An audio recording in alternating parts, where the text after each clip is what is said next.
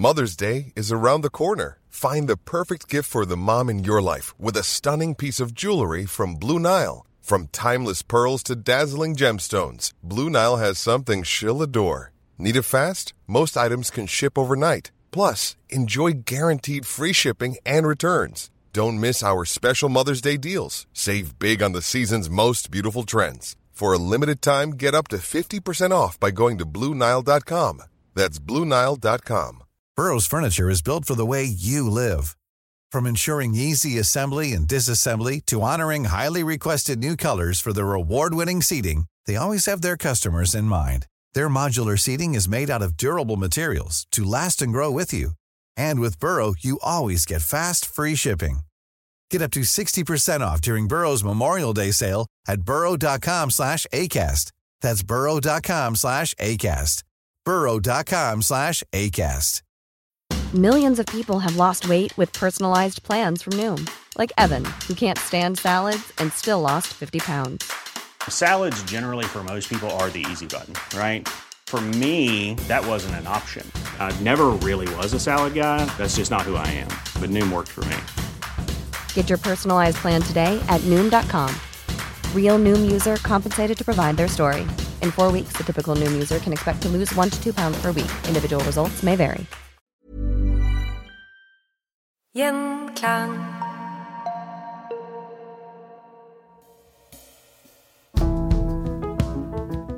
Jeg har fortsatt med meg eh, Jørn Holm Hansen, og temaet er fortsatt Vladimir Putin.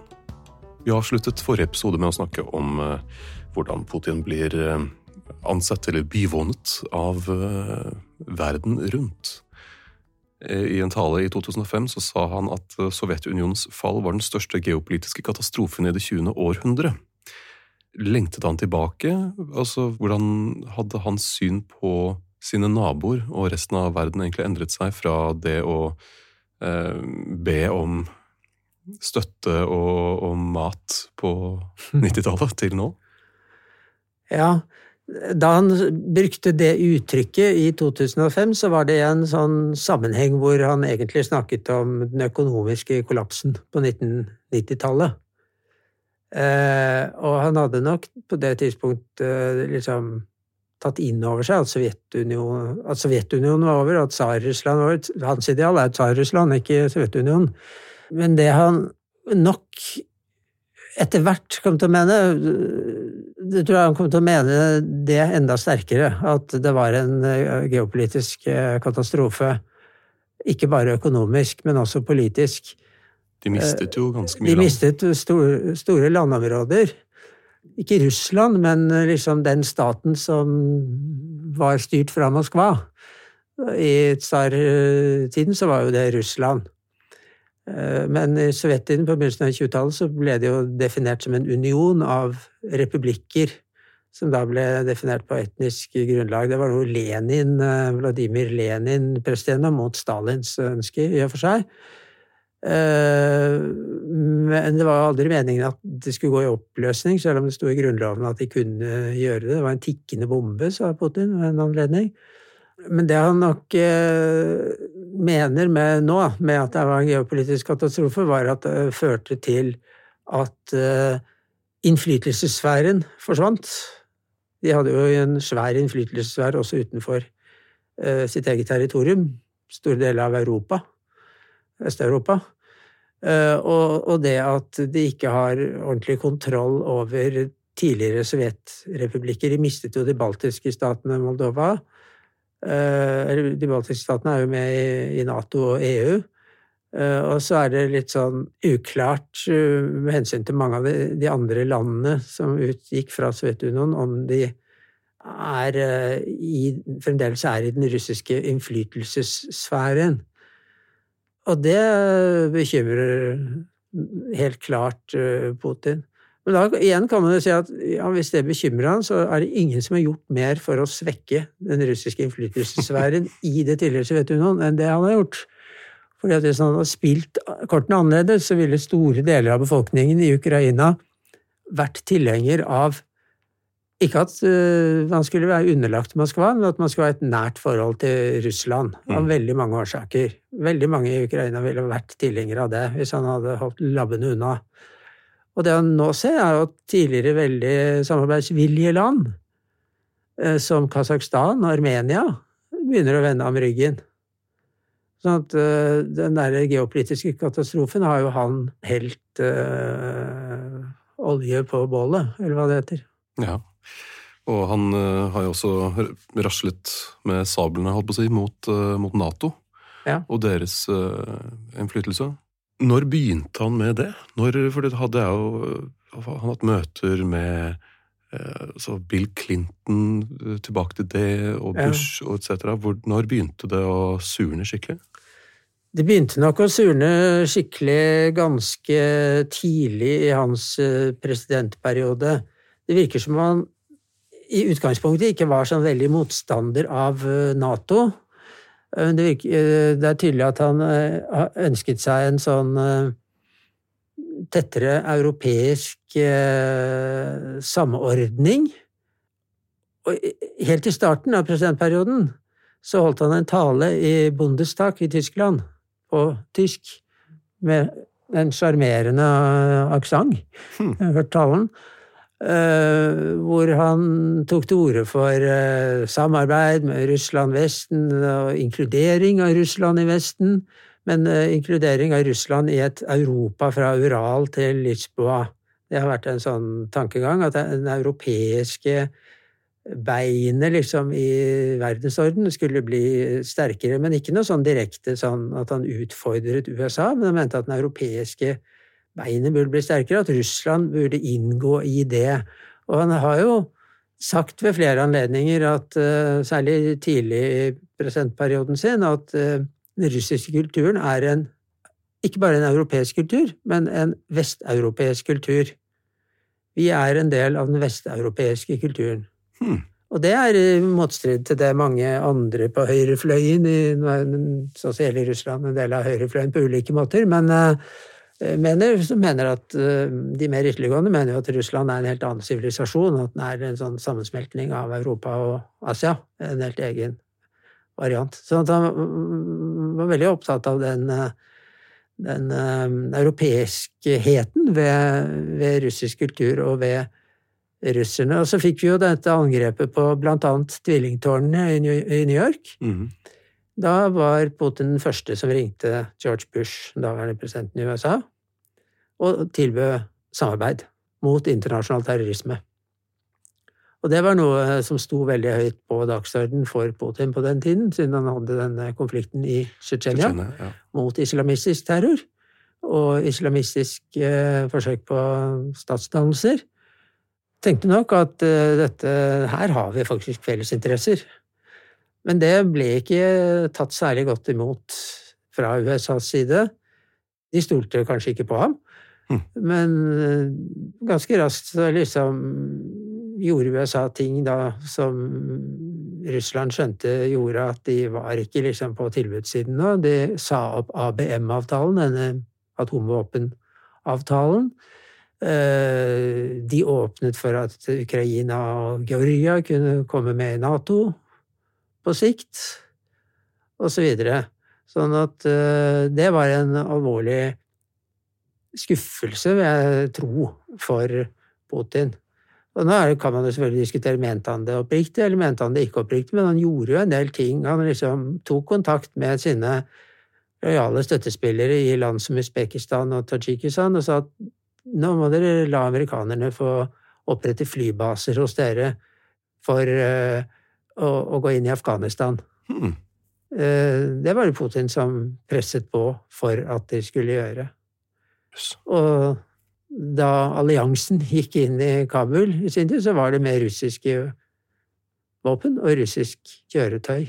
Så de var veldig på, på liksom den anti-islamistiske siden i den perioden. Ja. Men ble skuffa. Men ble skuffa. Og det, noen år seinere så holdt Putin en tale i München på den store sikkerhetskonferansen der.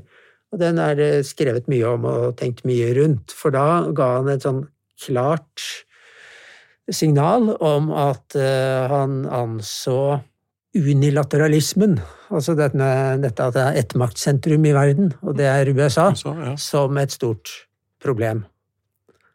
Og da var han veldig tydelig på det. Og, og, men han var ikke motstander av at man skulle ha en internasjonal orden og sånn, men den skulle være sånn at uh, det var flere maktsentra, og at det skulle være en respekt for andre stormakter. Og det har vært en rød tråd, egentlig, hos uh, Putin, at han har snakket om multipolaritet, da. At det skal være flere maktsentra i verden. Så egentlig litt sånn at uh, det skal få lov til å være mange stormakter i verden, og Russland skal være en av dem. Mm. Og det er en argumentasjon som har litt sånn derre appell i andre deler av verden, i det globale sør og sånn, hvor det er sånne framvoksende stater som mener at de burde ha en stemme. ha større respekt i den internasjonale, på den internasjonale arenaen. Ja. Og de gikk jo etter hvert sammen i dette BRICS, ikke sant? Brasil, eh, Russland, eh, India, Kina, Sør-Afrika, som da er utvidet med en del andre land.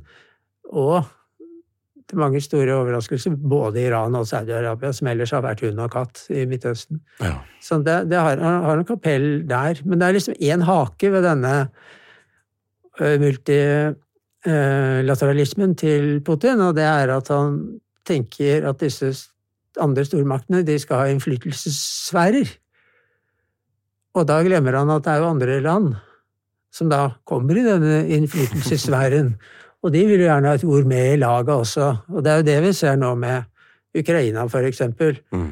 At eh, ja vel, eh, kanskje man kan si at Russland skal ha en innflytelsessfære i deler av det området som var Tsar-Russland i sin tid.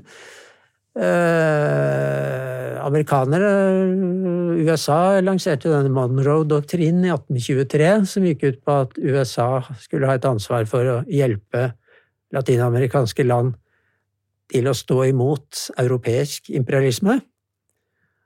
Kanskje Russland burde ha en slags Monroe-doktrine. Jeg tror Putin tenker litt sånn, at Russland har et ansvar for å hjelpe i hvert fall store deler av det området som tidligere var en del av Tsar-Russland, da med unntak av de baltiske landene og deler av Polen og sånn, men et ansvar for at, eh, å hjelpe dem til å stå imot USAs imperialisme. Og en slags parallell til den tankegangen, da. Mm. Men det er liksom haken ved Putins verdensbilde, at små land egentlig ikke har noen rolle, annet enn som passive deltakere i en sånn innflytelsessfære.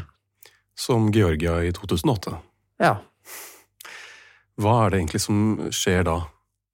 Ja, det er Sånn raskt fortalt. Ja, det er jo ting som har skjedd i Georgia i forkant. Georgia er jo et uh, fantastisk spennende land, og veldig mangslungent. Uh, men det var veldig nasjonalistisk på 1990-tallet, og er det langt på vei fremdeles. Men ikke alle innbyggerne i Georgia er georgere. I tillegg er det flere måter å være georgier på, egentlig også. Så, men uh, du har i hvert fall Abkhasia ved Svartehavskysten, og så har du Ajaria nede ved Svartehavskysten mot uh, Tyrkia, som er georgere, men muslimer. Og så har du Sør-Ossetia, som er et annet uh, folkeslag, med en uh, tvillingrepublikk på nordsiden som heter Nord-Ossetia. Men Ajaria-konflikten ble løst i og for seg uten noe løsrivelse, men Abhasia og Sør-Ossetia erklærte seg uavhengige. Det er sånne separatistområder, og det førte til, særlig fra Abkhasia, veldig mange etniske georgere ble fordrevet. Og i det området har Russland plassert såkalt fredsbevarende styrker for å hindre at Georgia går inn. Men i 2008 så hadde Georgia fått en ny president, Mikhail Saakashvili, som åpenbart tok litt mye tran og fant ut at han skulle Siden han mente at liksom Vesten var på Georgias side, de sa jo så mye pent om Georgia i taler og sånn, så her kunne han bare gå inn og hive ut russerne. Det gikk ikke så bra. Det var en veldig pinlig affære. Eh, Det finnes jo sånne YouTube-klipp hvor han sitter og tygger på slipset sitt fordi han er så nervøs for hva, som, eh, hva, hva han har satt i gang. Oi. Men uh, seinere skulle den samme Saakashvili bli guvernør i Odessa og lage en masse trøbbel i Ukraina, da.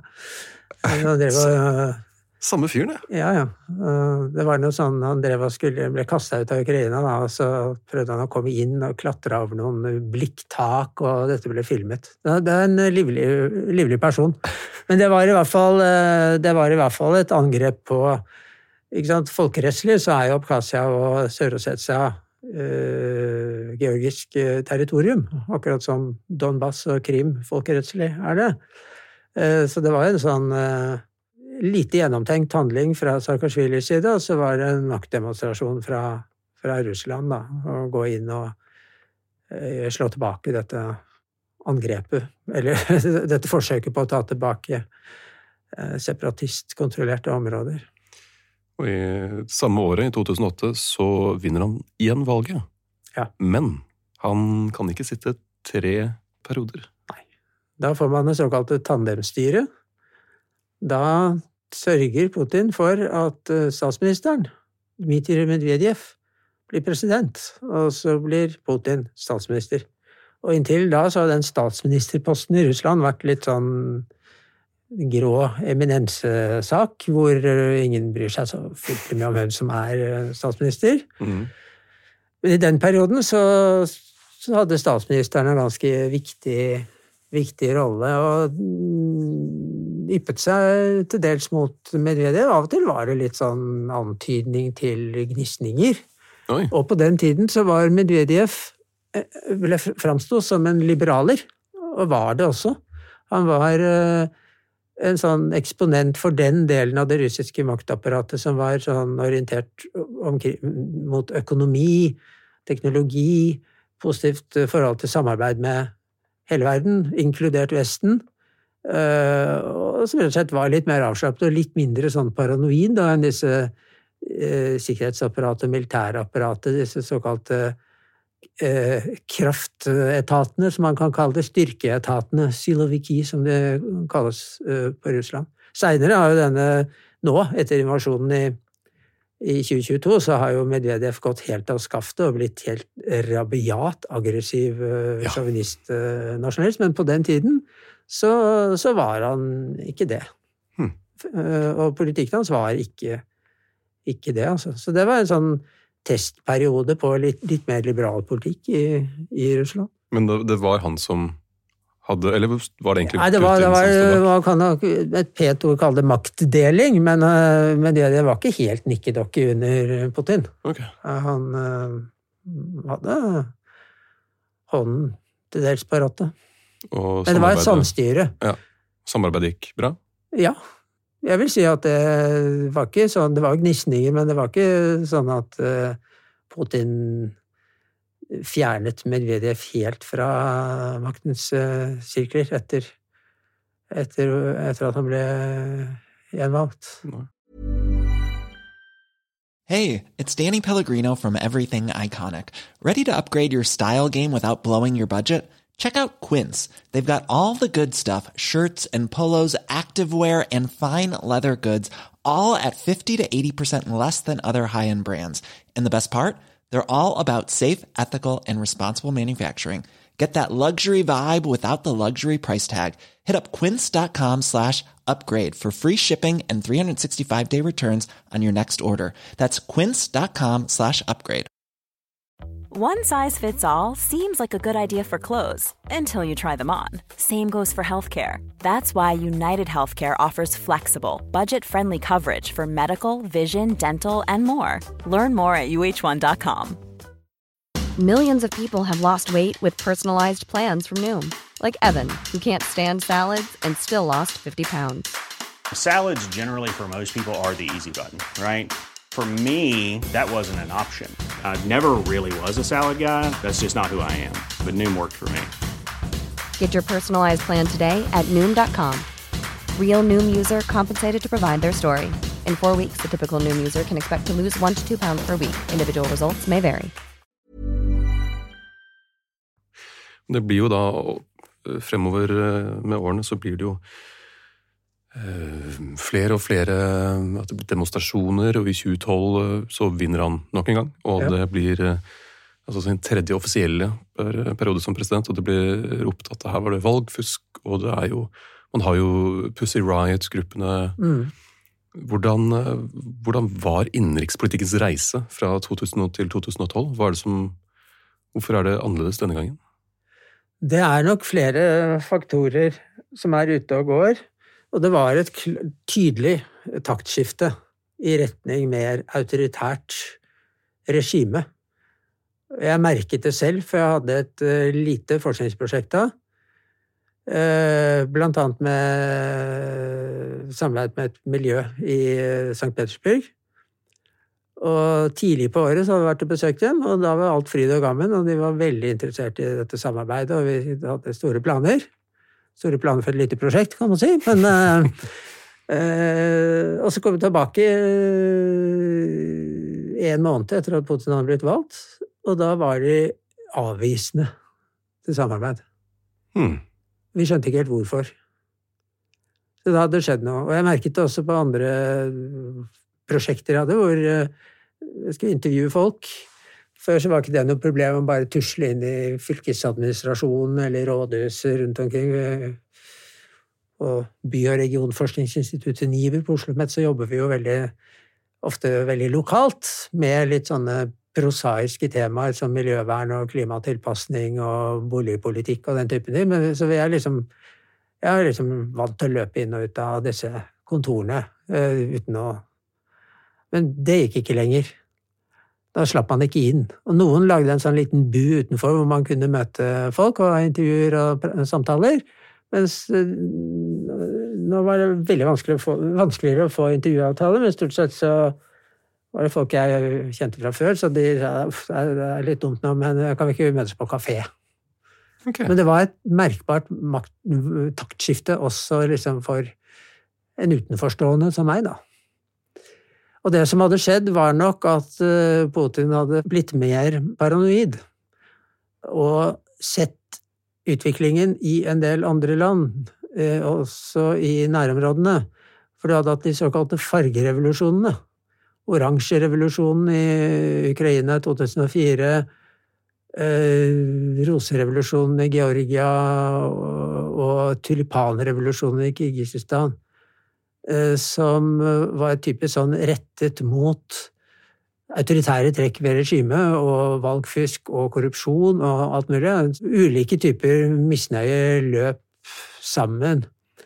Og Putin var livredd for at noe sånt skulle skje også i Russland, og disse protestene som startet i 2011 på presidentvalget der, mot valgfusk Det hadde jo vært valgfusk hele tida, men eh, nå var det protester mm. i de store byene. Eh, og også valget, valget, presidentvalget i 2012 eh, førte til protester. Så det var en sånn angstframkallende utvikling for Putin. Eh, det ble ikke innrømmet, da. Det ble liksom offisielt omtalt som at ja, vi har litt problemer med visse velgergrupper i de store byene. Men det var som man Det ble slått hardt ned på? Det ble slått veldig hardt ned på. For det var uh, en utvikling, rask, krapp utvikling i retning mer autoritært regime, men det var også en mye tydeligere sånn uh, ikke-liberal, konservativ dreining i politikken. Den konservative vendingen i Russland, som det ofte kalles. For det var da vi fikk eh, disse eh, denne voldsomme opptattheten, altså det de oppfatter som tradisjonelle familieverdier. Mm. Kirkens rolle ble enda tydeligere. Vi fikk disse, denne loven mot uh, uh, propaganda for uh, ikke-tradisjonelle seksuell atferd blant ungdom under 18 år, ikke sant? Som det har blitt utvidet til mer og mer sånn anti-LHBT eh, lovgivning. Det sammenlignet eh, jo blant annet eh, homofili og pedofili. Ja, ja, ja. Det er en sånn vanlig eh, måte å lage assosiasjoner som for at vi gjør folk sinte. Mm. Så det er en sånn veldig klar utviklingstrekk i den, i den perioden de, som tok til da. Men det må også sies at initiativet til denne anti-LHBT-loven kommer fra en uh, folkevalgt fra et annet parti enn Forent Russland, da, som regnes som Putins eget parti. Så det hadde liksom bred politisk støtte. Mm. Altså, det her fikk jo kritikk fra internasjonalt hold, men hvordan Hvem er eh, Putins venner internasjonalt i denne perioden? Du kan si at det er eh, ulike typer venner, og kanskje ikke nødvendigvis sånn veldig nære venner, men eh, du har jo folk som har økonomiske interesser eller uh, sikkerhetspolitiske interesser, har et samarbeid med Russland. Uh, kjøpe olje og gass er det mange land. ikke sant? Det har vi sett etter invasjonen i 2022 at det var en viktig sak. Mange tenkte at ok, vi kjøper gass fra Russland, så vil Russland holde seg på matta, at de, de vil ikke miste disse De vil ikke miste oss som kunder. Det viser seg at det, det, er jo en sånn egentlig en teori innen internasjonal politikk om interdependens, altså gjensidig avhengighet, som jeg mener har mye for seg, men som i akkurat dette tilfellet egentlig ikke funka. Åpenbart. Eh, og venner og venner. ikke sant? Man har jo naboland og et ønske om samarbeid. Norge samarbeider jo fremdeles om søk og redning til sjøs. Vi så jo Kursk, eh, hvor Norge kom inn og kunne ha gått ned på 20 minutter og reddet disse gutta i denne ubåten, Kursk, i år 2000. Mm. Så det er viktig å bevare torskestammen i nord og sånn.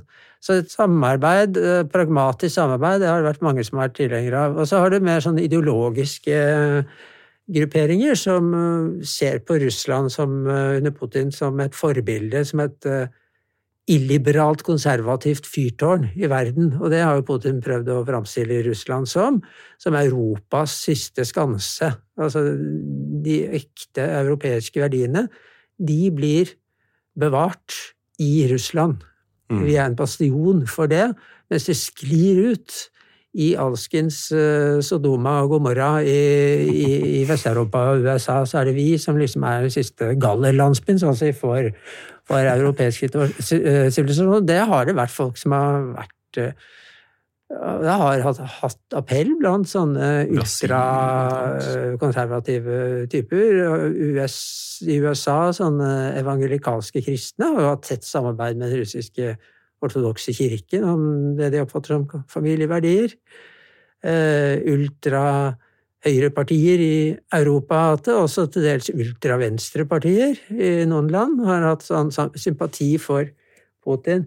Men det som er litt sånn problemet for disse grupperingene, er at de kan ikke de kan ikke akseptere hele Putin, hele putinismen, fordi at eh, for eksempel da, hvis Putin ønsker å samarbeide med sånne ultrahøyrepartier Han har jo hatt samarbeid med italienske partier, franske partier, tyske partier, så er jo de veldig ofte anti-islamske. De er ikke bare mot eh, altså sånn radikal, radikal, islamisme og den type ting, men de er mot islam som sådan, mot muslimer. Det kan ikke Putin være. Nei, For islam er en av fire offisielle religioner, tradisjonelle, etablerte religioner i Russland. 10% av befolkningen er muslimer, og det er en del av det russiske fellesskapet gjennom århundrene at du har tatarer og baskirer og sånn. Mm. Så det, det, er en anerkjent uh, religion. Så det å spille på antiislamisme vil være veldig farlig i Russland. Da ville liksom landet kunne gå i oppløsning. Og så har du det med at disse ultrahøyrepartiene som ofte har litt sansen for Putin, eller stor sans for Putin, de er ofte veldig opptatt av sånn Norge for nordmenn og Frankrike for franskmenn og sånn, og det monoetniske. Det går ikke i Russland, for det er en offisiell doktrin at vi er fleretnisk. Vi består av russere og kareler og kalmykker og jakuter og tuviner og alt mulig rart sammen. Vi har en felles greie. Vi er forskjellig etnisitet, men vi er en felles uh, russlandsk enhet, da. Rasiski, som du ser. Og så er det noen som er ruski, da, etnisk russiske.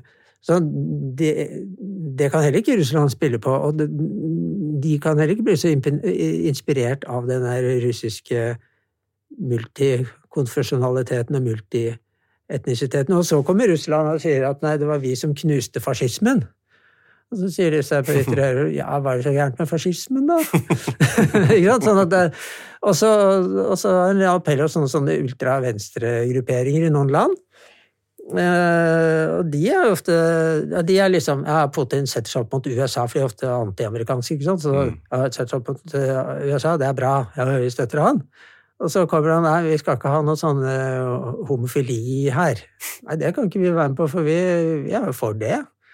Det må folk få lov til å bestemme selv. Sånn, den faren for at Putin og putinismen og dagens Russland skulle ha noen appeller hos oss på sikt, sånn vegg-til-vegg-appell, det har jeg veldig liten tro på.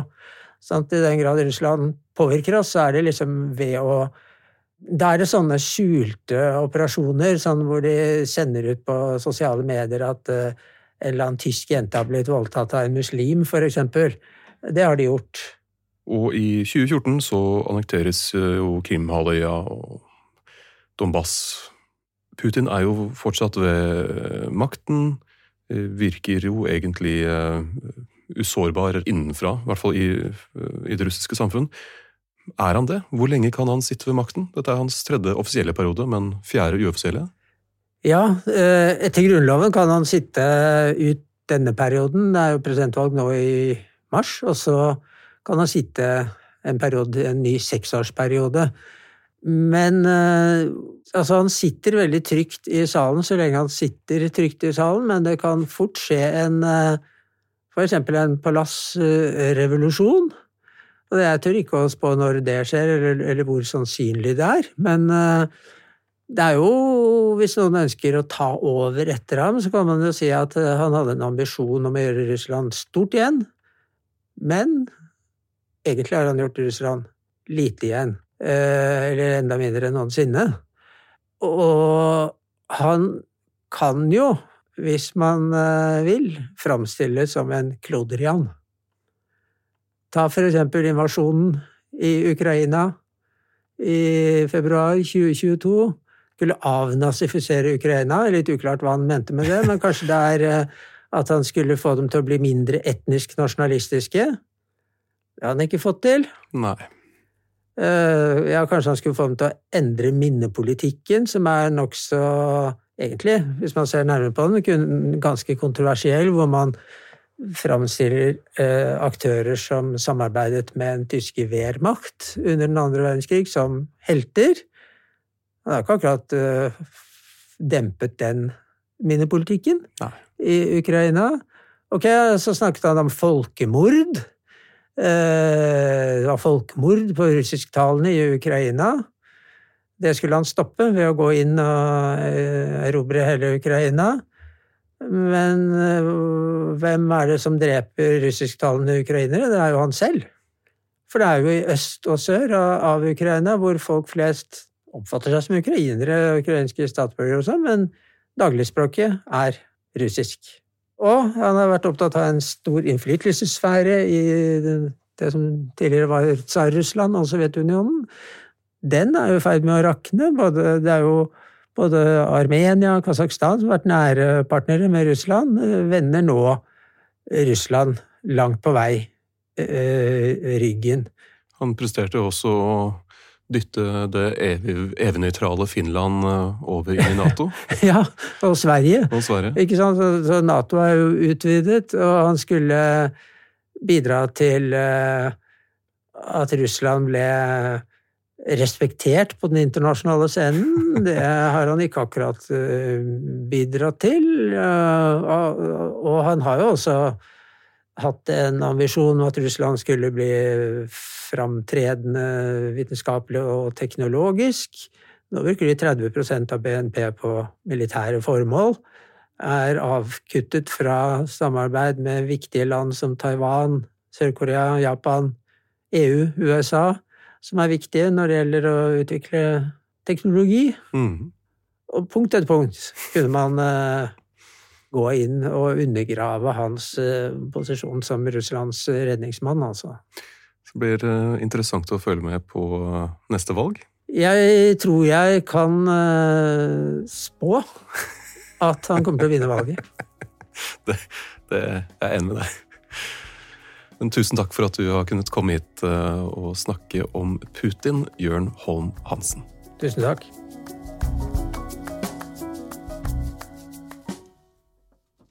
Gjenklang.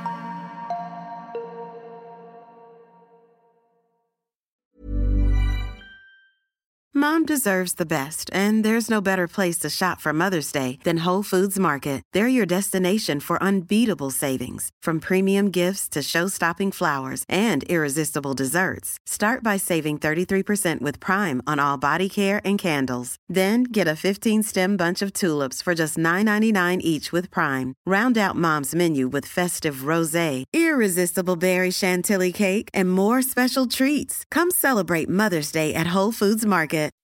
When you make decisions for your company, you look for the no brainers. If you have a lot of mailing to do, stamps.com is the ultimate no brainer. Use the stamps.com mobile app to mail everything you need to keep your business running with up to 89% off USPS and UPS. Make the same no brainer decision as over 1 million other businesses with stamps.com. Use code PROGRAM for a special offer. That's stamps.com code PROGRAM.